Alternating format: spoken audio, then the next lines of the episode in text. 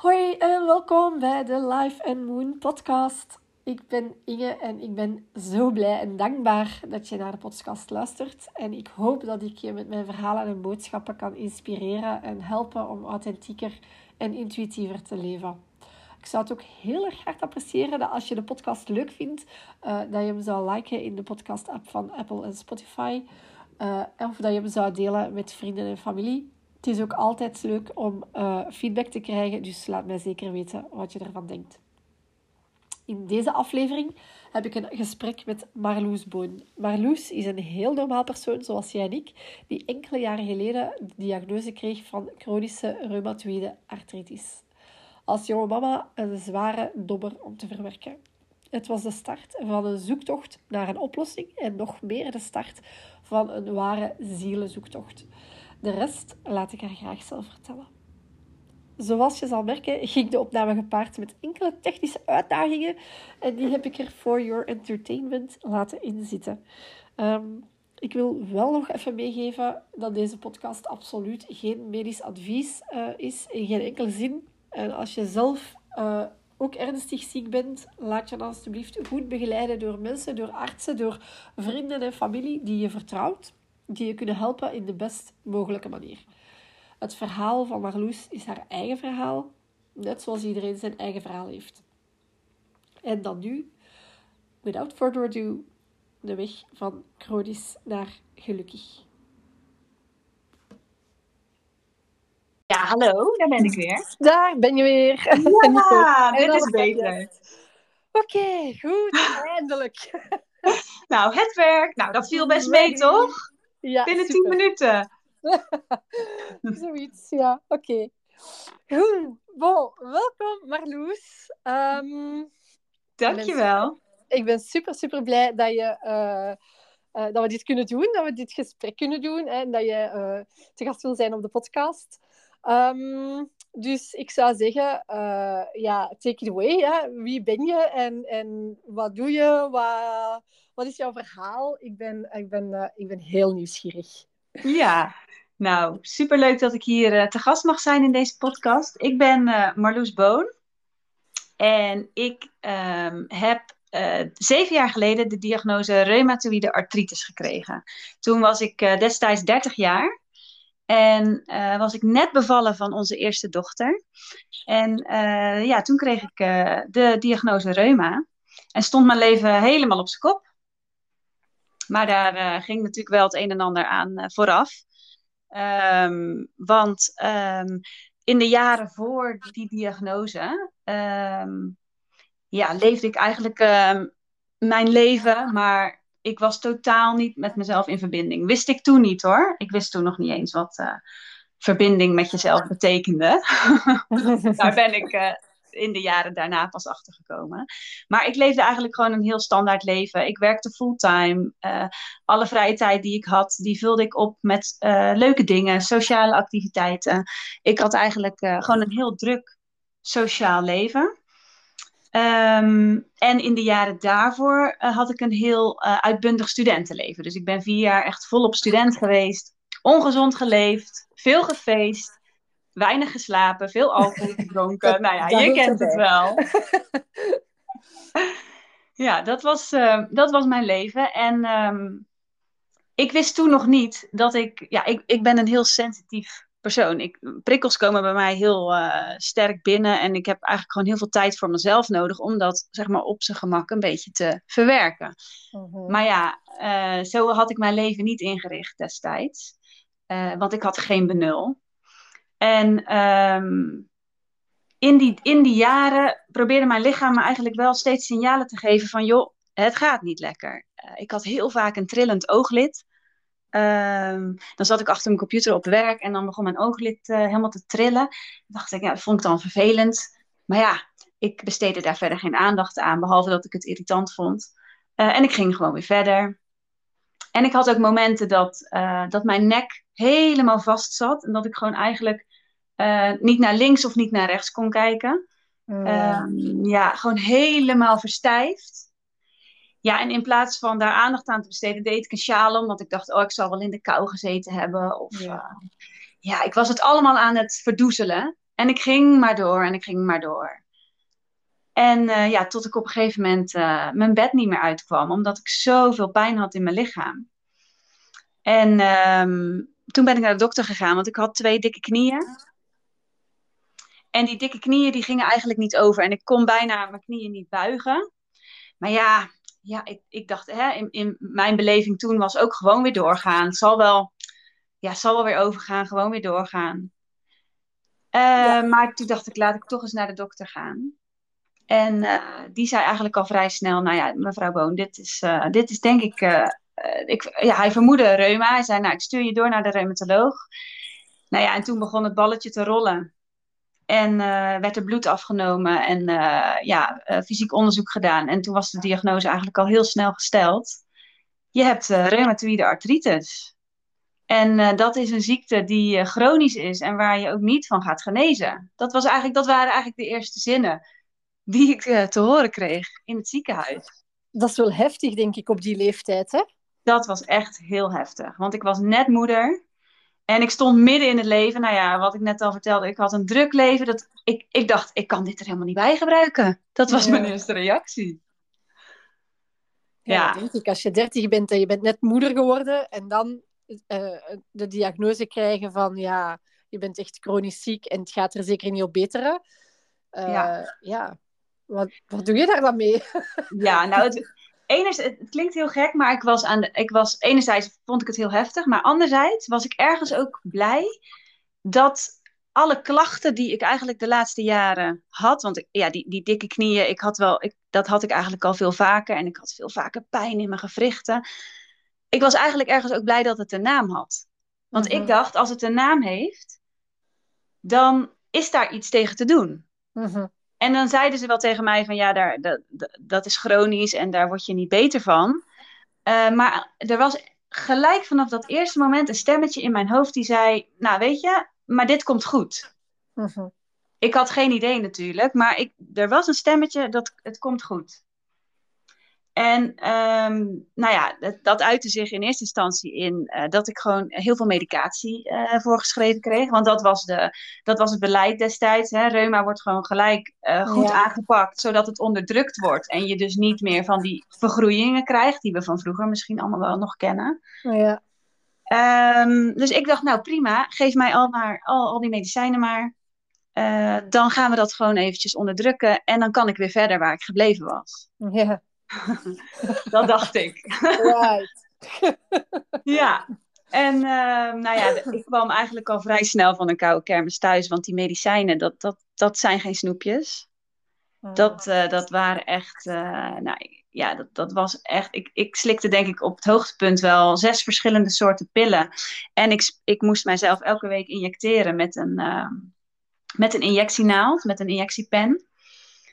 Um, en op een gegeven moment zei de arts van, uh, uh, want ik werd juist van, die, van dat spulletje wat in die injectiepen zat, daar werd ik heel ziek van. Dus hè, ik, ik mijn, dat onderdrukte namelijk mijn afweersysteem. Uh, dus ik kreeg heel veel koortsachtige verschijnselen. Ik had vaak griep, vaak verkouden. Ik had een hele mond vol met aften. ik weet niet of je dat in België ook zo noemt, maar van die ja, ja, ja. beren in je mond, zeg maar aan de binnenkant. Ja. Um, dus ik kon bijna niet eten. En dat kwam eigenlijk omdat al die medicatie ver verzwakte mijn, mijn afweersysteem. En het hielp wel tegen de reuma. Um, want doordat mijn afweersysteem wat rustiger werd, was het, he, had die reuma de, kans om zeg maar te verdwijnen. Um, maar daardoor ja, kwamen er dus heel veel andere nare dingen op mijn pad. Waardoor ik eigenlijk elke week rillend onder een dekentje op de bank lag van de griep. Ja. Ja, en toen dacht ik, en ik had natuurlijk net een, uh, een babytje. En ik dacht, ja, het is heel fijn dat ik nu uh, geen reumaklachten meer heb en geen pijn meer heb. Maar als dit betekent, want hè, die medicijnen zou ik in principe de rest van mijn leven moeten blijven nemen. Als dit betekent dat ik dus de rest van mijn leven grieperig ben en koortsig en, en me ellendig voel. Ja, dat, dat was gewoon een, een no-go voor mij. Ik dacht, dat, dat gaat niet. Dat wil ik ook niet. En, en hoe kom je, want dat is wel, ja, dat is niet wat we geleerd hebben, hè? de meeste mensen, denk ik, onder ons, die, die en ik, ik kijk naar mezelf ook. Ik bedoel, ja, als je ziek bent, ga je naar de dokter, je neemt een pilletje en alles wordt wel weer beter. Ja. En dan wil ik niet mee zeggen dat de geneeskunde niks goed kan betekenen, want ik ben er zeker van en ik weet dat het voor veel mensen dat het wel een oplossing is. Hè. Dat, dat wil ik zeker niet, uh, niet zeggen. Maar inderdaad, het, het, de link tussen, um, tussen de, de, de mind en, en, en het lichaam en tussen, tussen het, het, ja, de gedachten en het lichaam, die, is, die was er destijds uh, zeker nog niet. En die is er denk ik nu al iets meer. Jazeker. Ja. En hoe, hoe ben je daar dan bijgekomen dat je dan daar die stappen begint te zetten van oké, ja, hier moet iets meer aan de hand zijn? Ja, dat is wel een lang uh, proces geweest hoor. Want ik moest echt eerst zo in de knoop komen, zeg maar, met mezelf en met de situatie. Dat ik zo hard met mijn neus op de feiten gedrukt werd van ja, oké, maar dit is niet the way to go. Er moet een andere manier zijn. Um, ik, heb ik ben daar dus echt heel diep voor moeten gaan eigenlijk. Om, mm. om pas tot het besef te komen van oké, maar er moet iets anders zijn. Dus ik snap heel goed dat, dat dit niet een pad is wat direct iedereen bewandelt. Omdat hè, van, wat je zegt vanuit de medische wereld is het gewoon, hè, er, is, er is een acuut probleem en daar wordt op gereageerd door middel van het onderdrukken van dat probleem. En dat is hoe onze westerse geneeskunde in elkaar zit. Uh, hè? En, en ik ben natuurlijk heel blij dat wij in een land wonen waar, hè, waar er zoveel medicijnen voorhanden zijn om een probleem te onderdrukken. Maar als je iets chronisch hebt, dan wil je niet het probleem onderdrukken, maar dan wil je de oorzaak aanpakken. Ja. En dat, dat gaat veel verder, inderdaad, wat jij zegt, dan hè, een pilletje nemen en, en weer verder. Want dat, dat heeft te maken met, ja, wat, is die, waar, wat is die oorzaak? Waarom is mijn lichaam eigenlijk ziek geworden? Wat mhm. wil het me vertellen? Nou ja, en, en, en tot dat, hè, op, tot ik, op, uh, voordat ik op dat punt kwam om, om daarover na te denken, dat het misschien wel eens uh, ja, daarmee te maken kon hebben. Van, komt het misschien door de manier waarop ik mijn leven heb geleid? Of hè, wat wil mijn lichaam me eigenlijk vertellen? Nou, dat heeft wel lang geduurd, want je wordt in die medische wereld ook echt niet serieus genomen als je, tenminste, zoals ik het beleefd heb. Ik werd niet serieus genomen toen ik aangaf van, nou, hè, de medicijnen is eigenlijk niet de weg die ik wil inslaan. Ik wil het op een natuurlijke manier gaan proberen. Wat zijn de mogelijkheden? Nou ja, en die deur werd gewoon keihard in mijn gezicht dichtgeklapt. Ja, van, ja dat, is, uh, daar, dat is niet wetenschappelijk bewezen en punt uit. Mhm. Daar kunnen we je niet mee helpen. En toen is mijn zoektocht, uh, mijn eigen zoektocht eigenlijk begonnen. Uh, en daar ben ik nu zeven jaar verder in. En um, ik ben super dankbaar dat ik naar mijn intuïtie en naar mijn gevoel heb geluisterd destijds. En dat ik door heb gezet. En dat ik dus uh, natuurlijke manieren ben gaan ontdekken waarop ik die reumaklachten kon verminderen. Waardoor ik nu, zeven jaar later, klachtenvrij ben en medicijnvrij leef. Ja. Amai, dat is wel... Ja, wat een verschil, hè? Wat een, wat een wereld van verschil waarschijnlijk voor jou. Ja. En, en, en hoe, wat, wat, is dan, wat is dan de weg geweest die je daarin, daarin bewandeld hebt? Als ik, daar ben ik wel nieuwsgierig naar. Van, ja, hoe heb je dat dan aan? Allee, wat, hoe, hoe is dat gegaan? ja, ja, nou, dat is begonnen met... Uh, ik ben op internet gaan zoeken... hoe kan ik op een natuurlijke manier mijn reuma-klachten verminderen. En daar was destijds, dat is zeven jaar geleden, echt nog vrij weinig over bekend. Maar ik kwam voornamelijk uh, dingen tegen over voeding.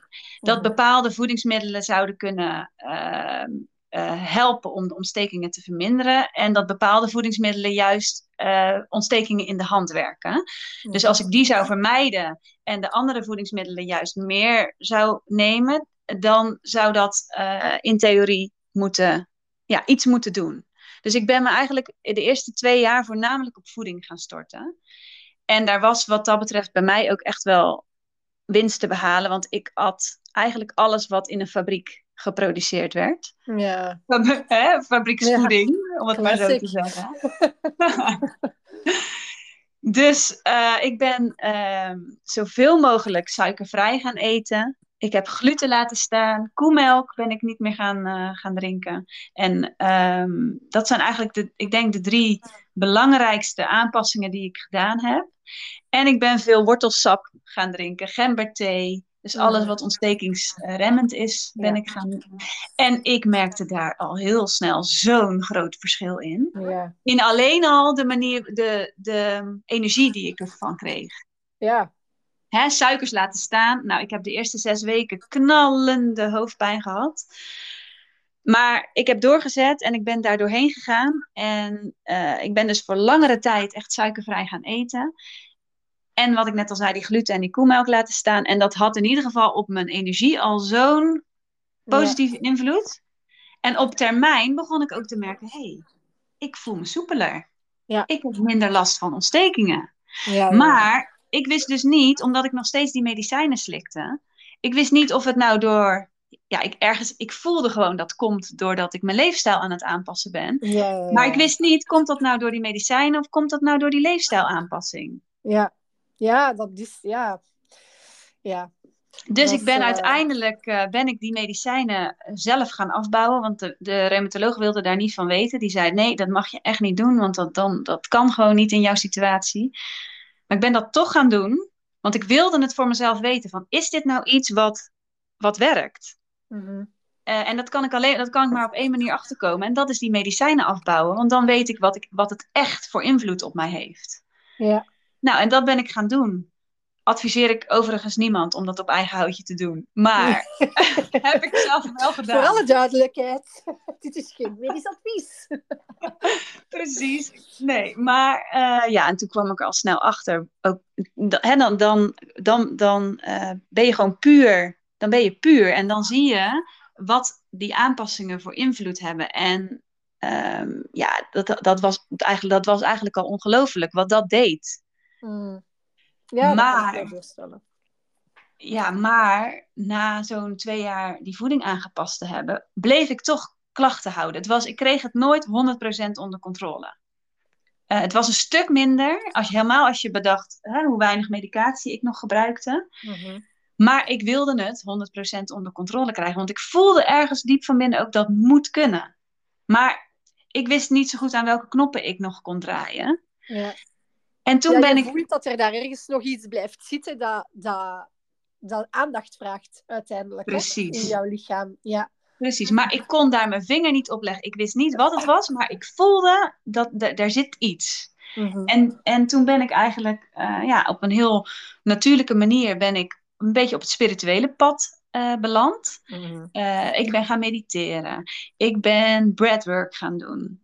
En toen gebeurden er dingen dat hè, toen, ik, uh, toen ik bezig was met ademwerk, in zo'n sessie, in zo'n, in zo'n begeleide ademsessie, dan lag ik wel eens een half uur echt helemaal, helemaal verkrampt en um, moest ik zo enorm huilen. Dat, dat ik echt het gevoel had, er zit energie in mijn lichaam wat vastzit. En na zo'n sessie had ik het gevoel dat dat ja, helemaal gereleased was, zeg maar. Dat dat helemaal, dat dat, dat die energie eruit was. En dan voelde ik me zo licht en opgelucht. En was die, was die reumapijn ook weer weg. Dat ik ja. dacht, huh? Had ik nog nooit meegemaakt. Maar het, het, het resultaat was direct merkbaar. Ja. Dus dat, Ja. was voor mij weer, dat was voor mij weer een aanknopingspunt van... oké, hier in deze hoek zit dus ook nog iets. Maar ik snapte er destijds nog... Ik kon er natuurlijk met mijn verstand helemaal niet bij. En ik was gewend om alles maar gewoon te beredeneren. Mhm.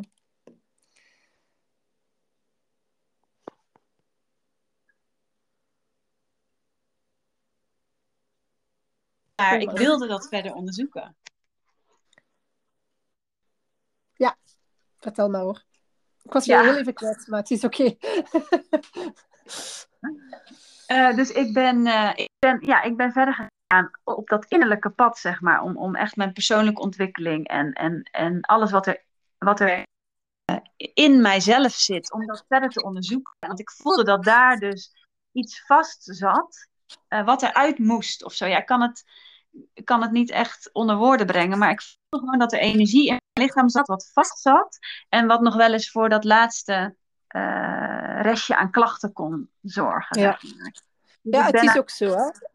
Met emoties en, en eigenlijk alles wat we niet fysiek verwerken via ons lichaam, wat niet fysiek geprocessed wordt, ja, dat, dat blijft vastzitten. Hè?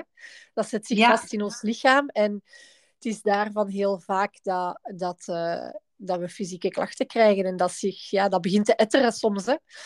Nou, ja, dat wist ik toen echt nog niet. Maar dat is me de laatste jaren zo duidelijk geworden. Dat, dat het is iets onzichtbaars.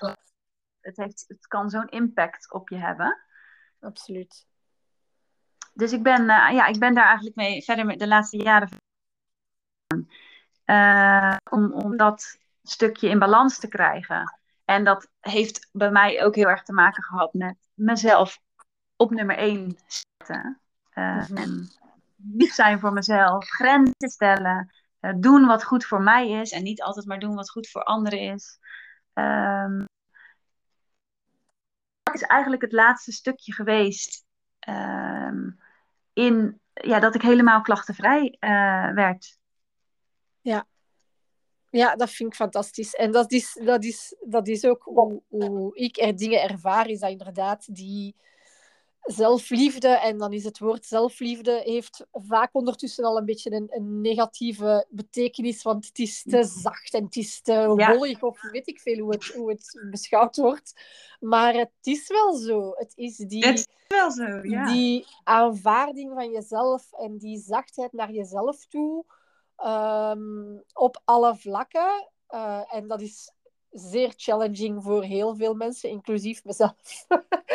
maar ik merk ook voor mezelf dat dat echt de sleutel is voor heel veel positieve uh, evoluties. Ja. ja, en dat klinkt precies wat jij zegt, want ik had ook jarenlang een aversie tegen dat woord zelfliefde. Het klinkt zo soft.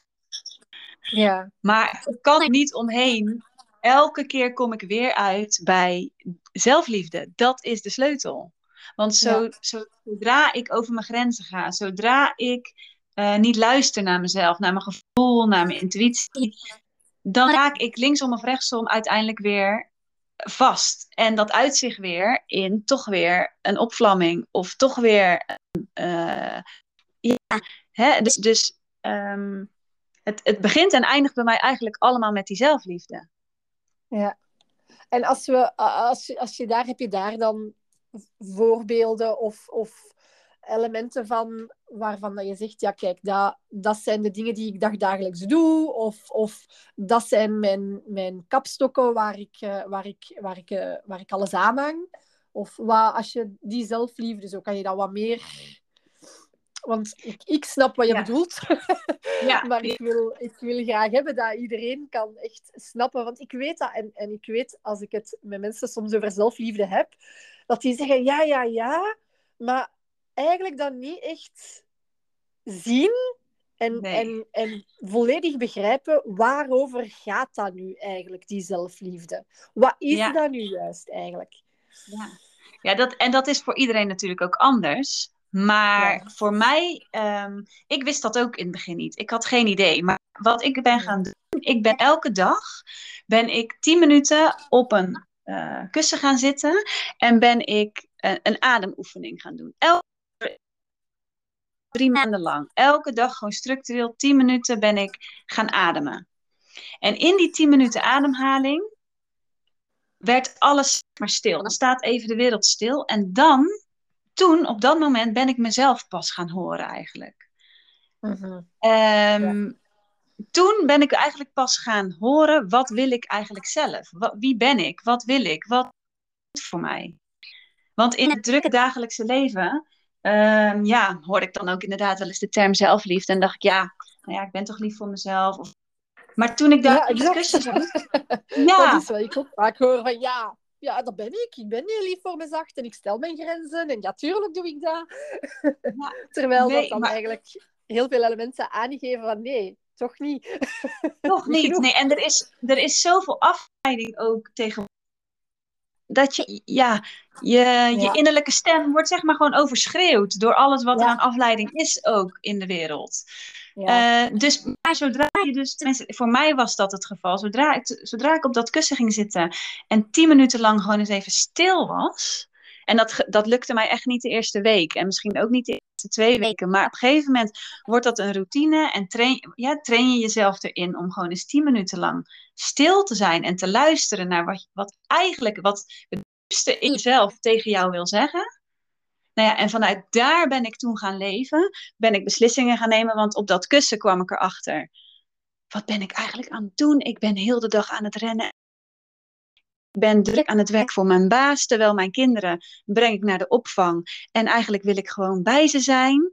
Dat was eigenlijk mijn eerste inzicht. Van ik, ik, ik ben maar aan het rennen en vliegen. En ik wil eigenlijk maar één ding. En dat is dicht bij mijn kinderen zijn. En goed voor ze, goed voor ze kunnen zorgen. En dat inzicht is één, maar om daar dan dus actie koppelen twee, dat is natuurlijk super eng. Uh, want ja, uh, ik kon niet zomaar mijn baan opzeggen. Maar het, het start wel een proces in je gedachtegang. Hè, je gaat er wel over nadenken. En ja. ja daar zijn we weer. Oké, even uh, ik ga even kaderen. Uh, dus voor degenen die luisteren, um, mijn telefoon besliste plots dat het een geschikt moment was om zichzelf uh, herop te starten. En dus waren we het gesprek kwijt. Maar um, voilà, zoals we zeggen, this shit happens. en um, maak er gewoon deel van uit. Ik ga dat er niet uitknippen. We gaan dat gewoon voortdoen. En we waren zo goed bezig. nou hè? Ja, echt. Uh, maar Lucie, jij was aan het vertellen over uh, zelfliefde. Ja. Adem, ja, jij vroeg inderdaad praktische... Ja. Die, uh, ja, ja, dus dat we um, het verhaal dat je dan uiteindelijk via breathwork um, via zelfliefde, uh, dat we daar um, door eigenlijk stil te worden, door die momenten van die oefeningen van uh, ademhalingsoefeningen die je dan dagelijks bent beginnen doen, dat je daar dan uiteindelijk wel plots een, een shift begon te merken.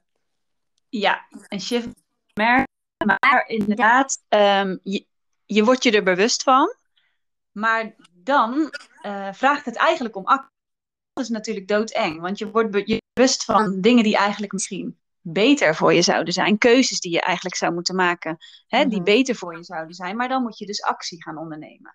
En dat is. Eh, ja, dat, dat vraagt natuurlijk een stukje uit je, uit je comfortzone te gaan. Want ik kwam erachter, die, die loondienstbaan, uh, in combinatie met mijn reuma en uh, alles wat ik daarvoor eigenlijk doe om dat onder controle te proberen te houden, dat, dat, dat was eigenlijk al een dagtaak op zich. Samen met mijn gezin uh, runnen, ja, dat, dat, dat, dat kwam in de knel. -huh. Um, en dat inzicht kreeg ik, dat was eigenlijk het eerste inzicht wat ik kreeg tijdens het doen van die ademhalingsoefeningen. Um, en ik denk wat belangrijk is, is dat ik de, dat ik ben, dat ik, ik heb, uh, je, je krijgt inzichten, maar ik heb ook beslissingen genomen uh, ja. om, ja, om verder te gaan met die inzichten. Ja. Uh, want anders blijven, blijven het inzichten en doe je er verder niks mee. Dus ik heb, ik heb actie ondernomen. Ik heb samen met mijn partner hoe kunnen, we dit, hoe kunnen we dit in gaan richten zodat ik kan stoppen met werken, ook al is het tijdelijk, maar dat ik de ruimte heb en, um, ja, om te luisteren naar wat goed voor mij is. Hè? En dat is nu gewoon even die stress reduceren, die druk van mijn schouders. En dat ik gewoon kan gaan doen wat goed voor mij is. Ja. Nou ja, en dat, uh, dat heb ik gedaan. Ik heb mijn baan opgezegd. En um, ik ben eigenlijk anderhalf jaar lang ben ik gewoon met mezelf gaan zijn. En gaan kijken wat, wat, um, ja, wat, wat wat komt hieruit? Wat, uh, wat brengt het me? Ja. ja en dat, was magisch. Dat was magisch, die anderhalf jaar. Maar ja, als je dan, oh, als we het hebben over zelfliefde en uh, wat zijn praktische tips? Nou ja, de tip is: um, he, zoek de stilte op, luister naar wat je, je, je innerlijke zelf je te vertellen heeft, maar neem daar ook onderneem daar ook actie. Hoe eng dat soms ook kan zijn. Ja. Want het gaat je iets brengen wat je nu nog niet voor, wat je niet voor mogelijk hebt gehouden. Dat, dat, ja. daar ben ik zeker van. Het gaat eigenlijk over de, die innerlijke leiding, hè, begeleiding, die, die, die reëel is en die. Uh, ja, het, het, is inderdaad luisteren naar de innerlijke stem, maar inderdaad, zoals je zegt, actie ondernemen. Niet alleen luisteren, maar ook effectief luisteren. en niet alleen, ja, ja, ja innerlijke stem, ik hoor het. ja, maar die innerlijke stem weet wat goed voor jou is, maar dat kan soms zo ja. afstaan van of het kan oncomfortabel aanvoelen, eng aanvoelen. Maar die innerlijke stem weet, die weet het. Die weet het. Die weet wat goed voor En is dat ook niet iets waar we heel vaak um, het, het, bang zijn van het oordeel van anderen? Vooraleer ja, dat we die innerlijke stem volgen.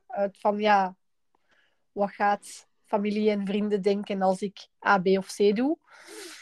Ja, maar dat is wel ook, want daar, daar, daar was ik zelf ook heel gevoelig voor, vroeger. Eh, mhm. maar in dat proces is mij ook een shift gekomen van ik voelde me heel krachtig. Um, en heb ik voor mezelf besloten van ik mag zijn wie ben en mijn keuzes doen er gewoon toe. En wat anderen daar ook van vinden, het is mijn keuze en het is voor mijn hoogste goed, zeg maar. Het is voor mijn gezond. Ik maak deze keuzes allemaal voor mijn eigen gezondheid. En er is niks belangrijker dan mijn gezondheid. Ja. Dus uh, ik weet niet, ik had voor mezelf gewoon bepaald. Ergens in dat proces is die shift gekomen. Het zijn mijn keuzes en ik sta daar 100% achter.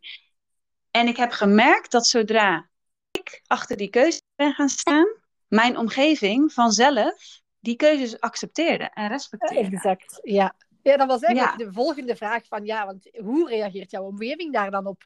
Want het moment dat jij inderdaad, uh, dat jij eigenlijk innerlijk verandert en dat jij zegt van hé, hey, ik ga echt in mijn kracht gaan staan, hè, want dat is uiteindelijk wel wat je doet. Hoe reageert? Ja. Dan krijg je sowieso een reactie van die omgeving. Hoe was dat voor jou?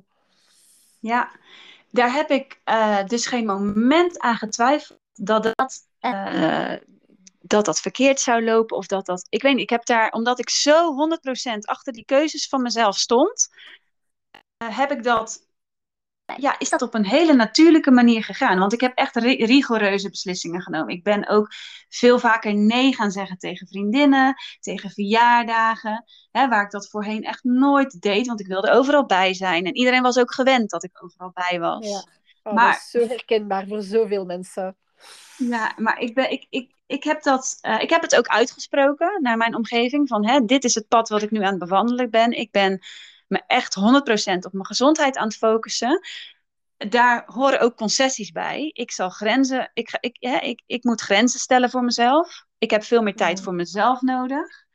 Uh, en dat betekent dat ik niet overal meer bij kan zijn. Mm -hmm. Weet dat. Weet dat. En um, ehm, 90% van mijn omgeving dat geaccepteerd heeft, gesupport heeft. En uh, dat dat ja, heel natuurlijk, ja, dat dat heel natuurlijk gewoon geaccepteerd is uh, geraakt. Alleen omdat ik ben er wel overtuigd dat, dat ik er zelf 100% achter stond. Want als je, als je daar zelf een twijfel in hebt, dan voelt je omgeving dat ook, denk ik. Ja. En dan denk ik dat het wel eens heel anders had kunnen lopen. En tuurlijk zijn er ook mensen afgevallen, zeg maar, de afgelopen periode. Mm -hmm. hè, die, die dan uit je leven verdwijnen. Maar ik, ik heb dat ook gezien als, ja, dat, dat is ook iets natuurlijks. Dat, dat is ook niet iets ergs. Nee, nee, dat is... Daar gaat het, dan spreken we weer over een, een, een energieverhaal, hè? het energetische verhaal en het feit dat jij, jou, uh, dat jij je eigen kracht gaat staan, dat je dan ook je eigen frequentie gaat veranderen, heel, heel jouw frequentie verandert. En dan trek je ook andere dingen aan natuurlijk. Hè? Dus Precies. voor de dingen die afvallen en dan de mensen die afvallen, komen er zonder twijfel ook weer prachtige dingen in de plaats die veel ja. meer aansluiten bij jouw nieuwe frequentie en bij jouw nieuwe verhaal en jouw nieuwe kracht. Nou, dat helemaal. Want ik ben, ik ben 37 en ik heb de afgelopen anderhalf jaar zoveel nieuwe mensen ontmoet. Ja. Terwijl je misschien, hè, dan denk je, ja, als je 37 bent, ja, dan heb je gewoon je vaste vriendenclub. En, maar ik heb zoveel mooie nieuwe mensen zijn er op mijn pad gekomen. Dat had ik nooit voor mogelijk kunnen houden. Ja, nee, dat geloof ik. Ja. dat is, uh, dat is fantastisch. Ik vind het echt... Amai, Marloes, ik vind het echt een prachtig verhaal. En um, echt... Ja, ik vind de onderwerpen die we... Uh, ja, die zelfliefde en, en hoe die... Um, hoe heel die weg van uh, fysieke klachten dan uiteindelijk geleid heeft naar een, een volledige innerlijke transformatie. Ja. Dat is fantastisch en ik vind het super inspirerend. Ik vind het ook heel herkenbaar. Um, en uh, ik ben er zeker van dat het uh, inspirerend en herkenbaar gaat zijn voor veel andere mensen. Dus echt super, super, super dankjewel. Uh, Graag gedaan. Voor, voor, voor, dat gesprek. Ik wil wel nog even vragen, want wat, wat, waar, waar, waar ga je daar nu mee naartoe? Hoe ziet de toekomst er voor je uit? En waar, waar wil je nu naartoe eigenlijk? Ik, ja, ik, ik heb dit dus zeven jaar lang zelf helemaal in mijn eentje heb ik dit proces doorlopen eigenlijk de laatste tijd steeds meer achter. Wat ik gedaan heb, is best wel bijzonder. Mm ik, hè, uh, ik heb altijd gedacht dat dat heel normaal is wat ik deed. Maar ik kom er steeds meer achter. Nee, het is best bijzonder wat ik gedaan heb. En dat mag gedeeld worden. Want er zijn twee, in, in Nederland alleen al zijn er 2 miljoen mensen met reuma. Die dus elke dag die boodschappentas aan medicijnen gebruiken. Die ik ook gebruikte in het begin. Ja. En er zijn zeker weten van die 2 miljoen mensen ook veel mensen die daar helemaal in vastlopen, zoals ik daarin vastliep. Ja. Dus ik wil die mensen gaan inspireren dat het beste medicijn in onszelf zit. Ja. Het, dat, is mijn, uh, dat is mijn missie voor de komende tijd. Ik wil mijn verhaal gaan delen, mensen inspireren dat het anders kan. En dat, ja, wat ik zeg, dat het beste medicijn in ons zit. Ja, absoluut. Absoluut. Um, en ja, ik weet niet of er, uh, of er veel mensen naar de podcast gaan luisteren die exact in die uh, reuma-situatie zitten. Uh, maar zonder twijfel vind ik het ook gewoon inspirerend voor mensen die, die gewoon op een gelijkaardige journey zitten, hè, op een gelijkaardig pad. Um, maar sowieso ben je in de toekomst, hoe, heb je al een, een visie over hoe je dat verhaal wilt gaan delen? Of um, ja, wat, wat zou je volgende stappen gaan zijn daarin? Uh, nou, ik heb nu, um, ik heb in ieder geval een, een Instagram-account uh, van Chronisch naar Gelukkig heet dat. En daar deel ik eigenlijk uh, ja, mijn dagelijkse leven. Hoe, hoe leef ik mijn leven? Hoe, hoe richt ik het in? Waar loop ik tegenaan? En hoe los ik dat op? Um, dat is wat ik op dat Instagram-account doe. En dat vind ik super leuk om te doen. Um, dus daar hou ik me mee bezig. Ik heb een website www.marloesboon.com. En daar deel ik ook mijn verhaal. En uh, ik ben bezig met het ontwikkelen van een online training. Uh, voor specifiek dan wel voor reuma-patiënten. Ja. En daar in die training deel ik alles wat ik zelf gedaan heb.